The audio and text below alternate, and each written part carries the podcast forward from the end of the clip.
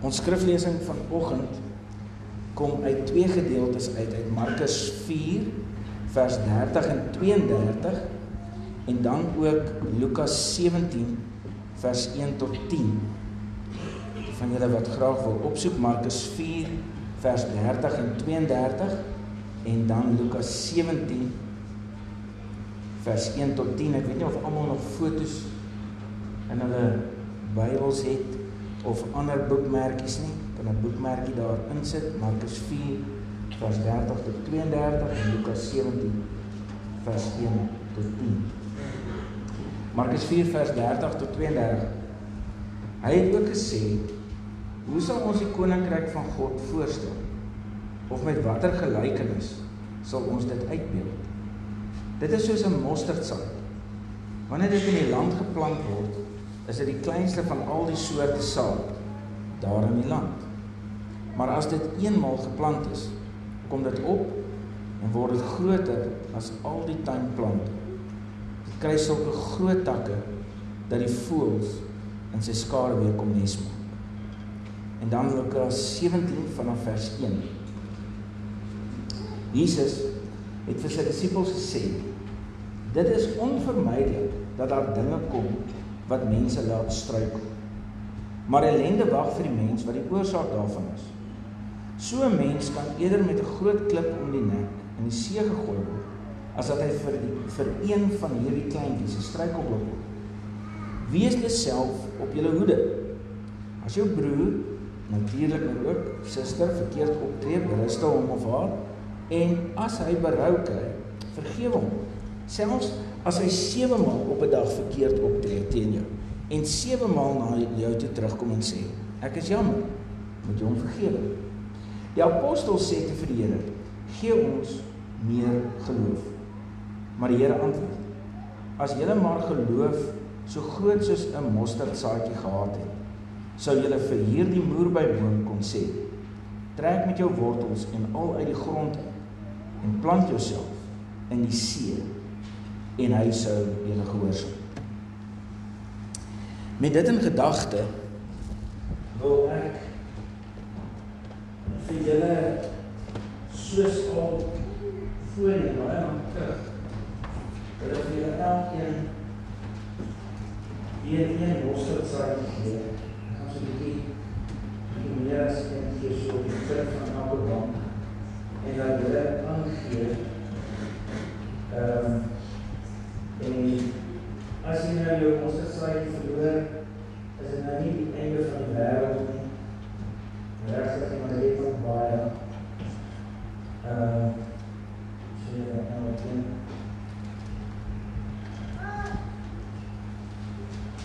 En 'n mosterdsaadjie is baie klein. So jy kan jy kan nou sien hoe klein.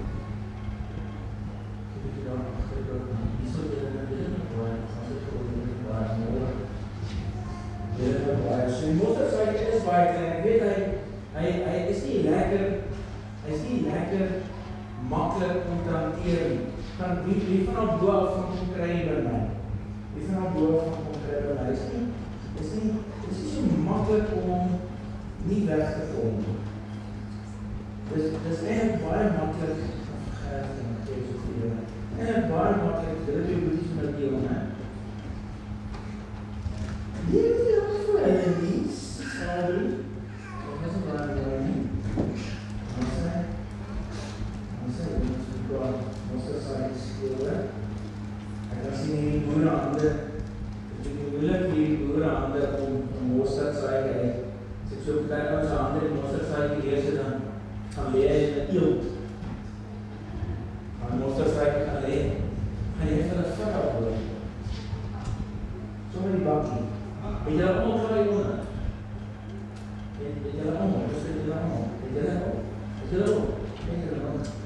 Okay, wat ons ons gaan verder die bakkie op. Dat ek net nie kry hoor. Okay, wat is dit? Nou as as nou ons deel oor vir julle bringe vir julle die mosterd saadjie. En ek dink dit is net weer belangrik dat as ons elkeen so 'n mosterdsaadjie in ons hand het en ons letterlik bietjie daarna kyk, Soos ehm uh, daar deel hulle nou uit. Julle julle moet nog kry, né? Goed. Daai kant ook nog. Kyk net so 'n bietjie daar op die mosterdsaadjie. Terwyl jy so op die mosterdsaadjie kyk en hom so in jou hand het. Hoor weer as ek hierdie skrifgedeelte lees. Die eerste een Markus 4 vers 30 tot 32. Dis nou Jesus aan die woord. Hy sê hy het ook gesê Hoe sal ons die koninkryk van God voorstel? Of met watter gelykenis sal ons dit uitbeeld? Dit is soos 'n mosterdsaad. Koninkryk van God is soos 'n mosterdsaad. Dit voel nie reg nie.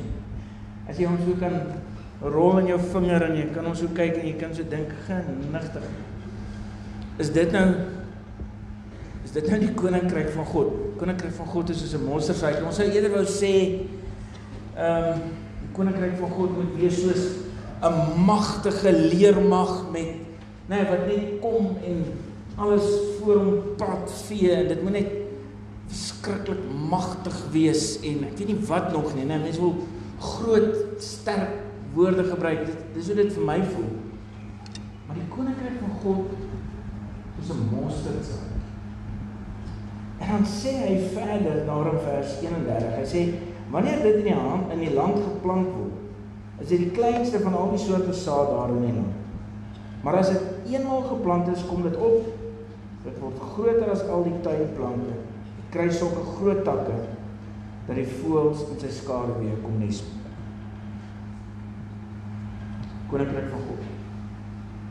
Soos 'n mosterdsaad. En ek wonder baie keer oor hoe ons dink oor God se koninkryk. Oor hoe ons dink oor hoe ons goed wil wil maak en laat gebeur. Hoe ons hou van dinge wat groot is en suksesvol is en die planne wat ons het om dit groot en suksesvol te laat word. Ook in ons eie lewe in ons besighede in ons boerderye in ons huislewens in ons gesinne en ons families. En dan kom sê God die koninkryk van God. Is soos 'n mosterdsaad op 'n ander plek word daar gesê dit word geplant en dit kom by homself op Dit groei van self. Niemand hoef daarna te kyk. Koninkryk van God groei van self. Verstaan dit nie sê dit ook in daardie ding. Verstaan jy dit groei nie? Verstaan amper nie baie keer waar dit groei nie. Dit lyk amper as ons baie keer kyk dan groei dit waar mense nie gedink het dit behoort te groei nie. En daar waar mense dink die koninkryk van God moet groei, daar groei dit op die oomblik in die wêreld groei die kerk groei Christene die vinnigste in die dele van die wêreld waar hulle die meeste verdruk word. Waar hulle die meeste veroordeel word. Waar hulle glad nie vry by mekaar kan kom sonder om eintlik vervolg te word gevang te word in 'n tronk gegooi dis waar die koninkryk van God die vinnigste groei die beste groei soos 'n mosterdsaad. Wat half amper in die geheim geplant deur God geplant. Lê en van self groei. Daar waar amper niks eers gedoen word om die saadjie te laat groei. Dit is baie verskriklik interessant toe ek nou 'n bietjie verder gaan lees oor die mosterdsaadjie en waar dit nou verder ook gebruik word spesifiek in die Bybel. Toe dit my herinner juis aan hierdie gedeelte in Lukas uh, 17. Wat vir my belangrik is is hoe moeilik dit nog altyd vir ons om mense selfs mense naby aan ons te vergeet. Dit bly nog steeds een van die moeilikste goed om te doen En dit lyk vir my as ek kyk hoe baie uh Jesus daaroor praat, as ek kyk hoe baie die vroeë kerk daaroor praat, al die skrywers van die briewe aan die vroeë kerk, dan sê hulle vir ons maar maar dit dis 'n groot krisis van mense wat in dieselfde kerk is en dan moet jy nou weet, ehm um, dit was 'n baie kleiner kerk as hulle bymekaar gekom het in die Nuwe Testament as selfs ons nou. Ehm um, hulle was, sjoe, ek weet nie. Party my ouens sê hulle kon nie meer as 15, miskien 20 dalk op 'n slag in 'n huis gewees het. Tensy hulle nou naderhand 'n groter huis bymekaar gekom het en 'n bietjie 'n ryker persoon was en hulle kon bietjie in 'n groter plek bymekaar kom, as hulle bymekaar gekom het, dan was hulle min. Min. En dan kom sê Jesus as hy met die disippels praat, hierdie interessante ding. Hy sê in vers 3. Hy sê as jou broer verkeerd optree, berisp hom. As hy berou kry, vergewe hom selfs as hy 7 maal op 'n dag verkeerd optree teen jou en 7 maal na jou toe terugkom en sê ek is jammer, moet jy hom vergewe. Dit was dit was destyds selfs nie onder die apostels, selfs nie onder die disippels en Jesus en die disippels as hulle bymekaar was, was dit 'n probleem geweest. Die ouens het lekker met mekaar gestry, ek is seker daarvan hulle skryf nie daai goed vir ons neer nie. Maar hulle was almal mense. Hulle definitief almal nie oor die weg gekom met mekaar nie. Dit was onmoontlik. Ons kan nie dink aan die disippels saam met Jesus en dink dit was net maanskinne rose en alles het net klop disselboom geloop en hulle het maar net almal so wonderlik en lekker met mekaar oor die weg gekom nie. Nee. Een of ander tyd was daar 'n geskuurdery aan mekaar. Een of ander tyd was daar iemand wat moeilik was, probleme gegee het. Dit was net so.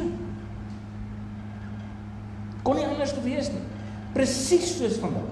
Kan nie anders gewees nie. Presies soos ook by ons vandag. Soos by jou en jou familie en jou gesin vandag. En as die disippels hoor dat Jesus sê dat 'n mens moet aanhou vergewe en aanhou vergewe veral nog selfs wanneer hierdie persoon aanhoudend vir jou kom jammers dan sê hulle die ongelooflike hulle direk dan in vers 5 die apostels sê te vir die Here gee ons meer geloof apostels sê die aksie is net eenvoudig Jesus dit wat jy nou van ons verwag voel net vir my ons het nie genoeg geloof nie ons het nie en en dink net maar net aan jou eie lewe in jou eie situasie waar jy al hoeveel keer ook gevra is om te vergewe om oor te begin met enige iemand. Dink maar net aan jou eie lewe. Dink net hoe moeilik is dit om dit te doen. Dink net, dink net swaar is dit. Dat mens net naderhand voel maar ek kan nou net nie meer nie. Hoe begin ek oor? Hoe vergewe ek weer? En dan gebruik Jesus ook die voorbeeld van die mosterdsaad. Wat hy sê dit is so klein. Hy sê as julle soveel geloof het soos 'n mosterdsaad. En dit geld vir elkeen van ons. As ek en jy soveel geloof soos 'n mosterdsaadjie kan ons vir 'n boom sê trek op jou wortels, gaan spring in die see. Met ander woorde, Jesus weet dat ons het nie eers soveel geloof nie. Laat my dink wat ek nou die dag gelees het, iemand sê dat ons as mense gebruik net 10% van ons breinkrag. Het julle dit al gehoor? Nou ek wonder persoonlik, wat sou gebeur as as ek die ander 30% uh gebruik het? Ehm um, wat oor is van 10% af my sommer reg. Nee, ek is jammer. Julle kan nou sien ek gebruik net 10% van my breinkrag, né? Jesus sê as ons net soveel geloof het, kan ons letterlik bome en berge opdrag gee. En hulle sal vir ons luister. Jesus weet hoe min geloof het ons. Hoe se Jesus weet hoe ons sukkel om mekaar te vergewe. Jesus weet. Jesus weet dat dit vir my en jou verskriklik moeilik is om staande te bly in hierdie baie uitdagende werk. Jesus weet presies hoe moeilik dit is in jou werk, in jou bedryf om te bly vashou aan hom, om te bly glo, om te bly vertrou, om te bly vasbyt met waarmee jy weet jy moet vasbyt. Hy weet. Hy weet dat ek en jy nie eers soveel geloof het soos die mosterdsaadjie nie. Kyk, kyk bietjie hier na die mosterdsaadjie daar in jou hand. Al het jy hom dalk gebêre of laat val. Dink 'n bietjie aan hom. Ek en jy weet as ons daarna kyk, ons het nie soveel geloof nie. Ons het kom ons wees maar eerlik met mekaar. Ons geloof is nie eers so groot soos 'n mosterdsaadjie nie. Elke nou en dan vang ons onsself uit dat ons geloof nie eers soveel is nie.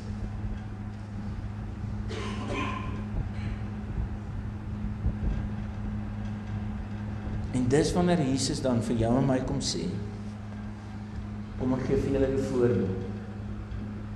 In my koninkryk werk dit anders. My koninkryk en God se koninkryk groei die koninkryk nie soos wat jy dink dit groei nie. In my koninkryk is hy God self verantwoordelik vir die groei. Nie ek en jy nie.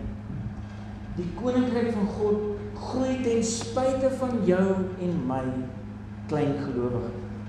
Die koninkryk van God groei ten spyte van jou en my vermoë of onvermoë. Dit groei. En een of ander tyd is dit soos 'n groot boom wat koel te bied verby. En dit is genade alleen. En dis wat ons vandag ook gaan vier wanneer ons van die nagmaal gaan gebruik. Dit. Ons gaan vier dat my en jou geloof in elk geval te klein is. Maar dat Jesus groot genoeg is. Dat wat Jesus vir jou en my aan die kruis gedoen het, vir my en jou gedoen het toe hy die dood oorwin het en opgestaan het uit die dood uit. Vir jou en my gedoen het terwyl die Heilige Gees binne in ons kom woon het. Dat dit is wat ek en jy nodig het om te besef dat ons familie is van mekaar, ons broers en susters is van mekaar in die bloed van Jesus Christus. Dat sy liggaam gebreek is vir elkeen van ons tot 'n volkomme verzoening. Nie net van ons sondes en ons verzoening met hom, maar dat sy liggaam gebreek is tot 'n volkomme verzoening van ons met mekaar ook.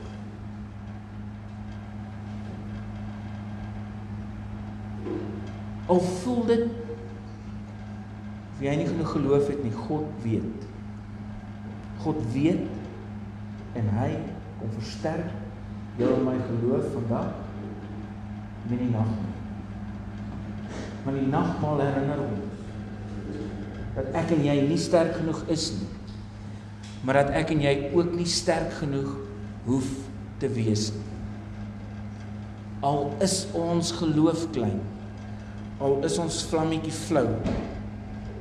God gebruik klein geloof.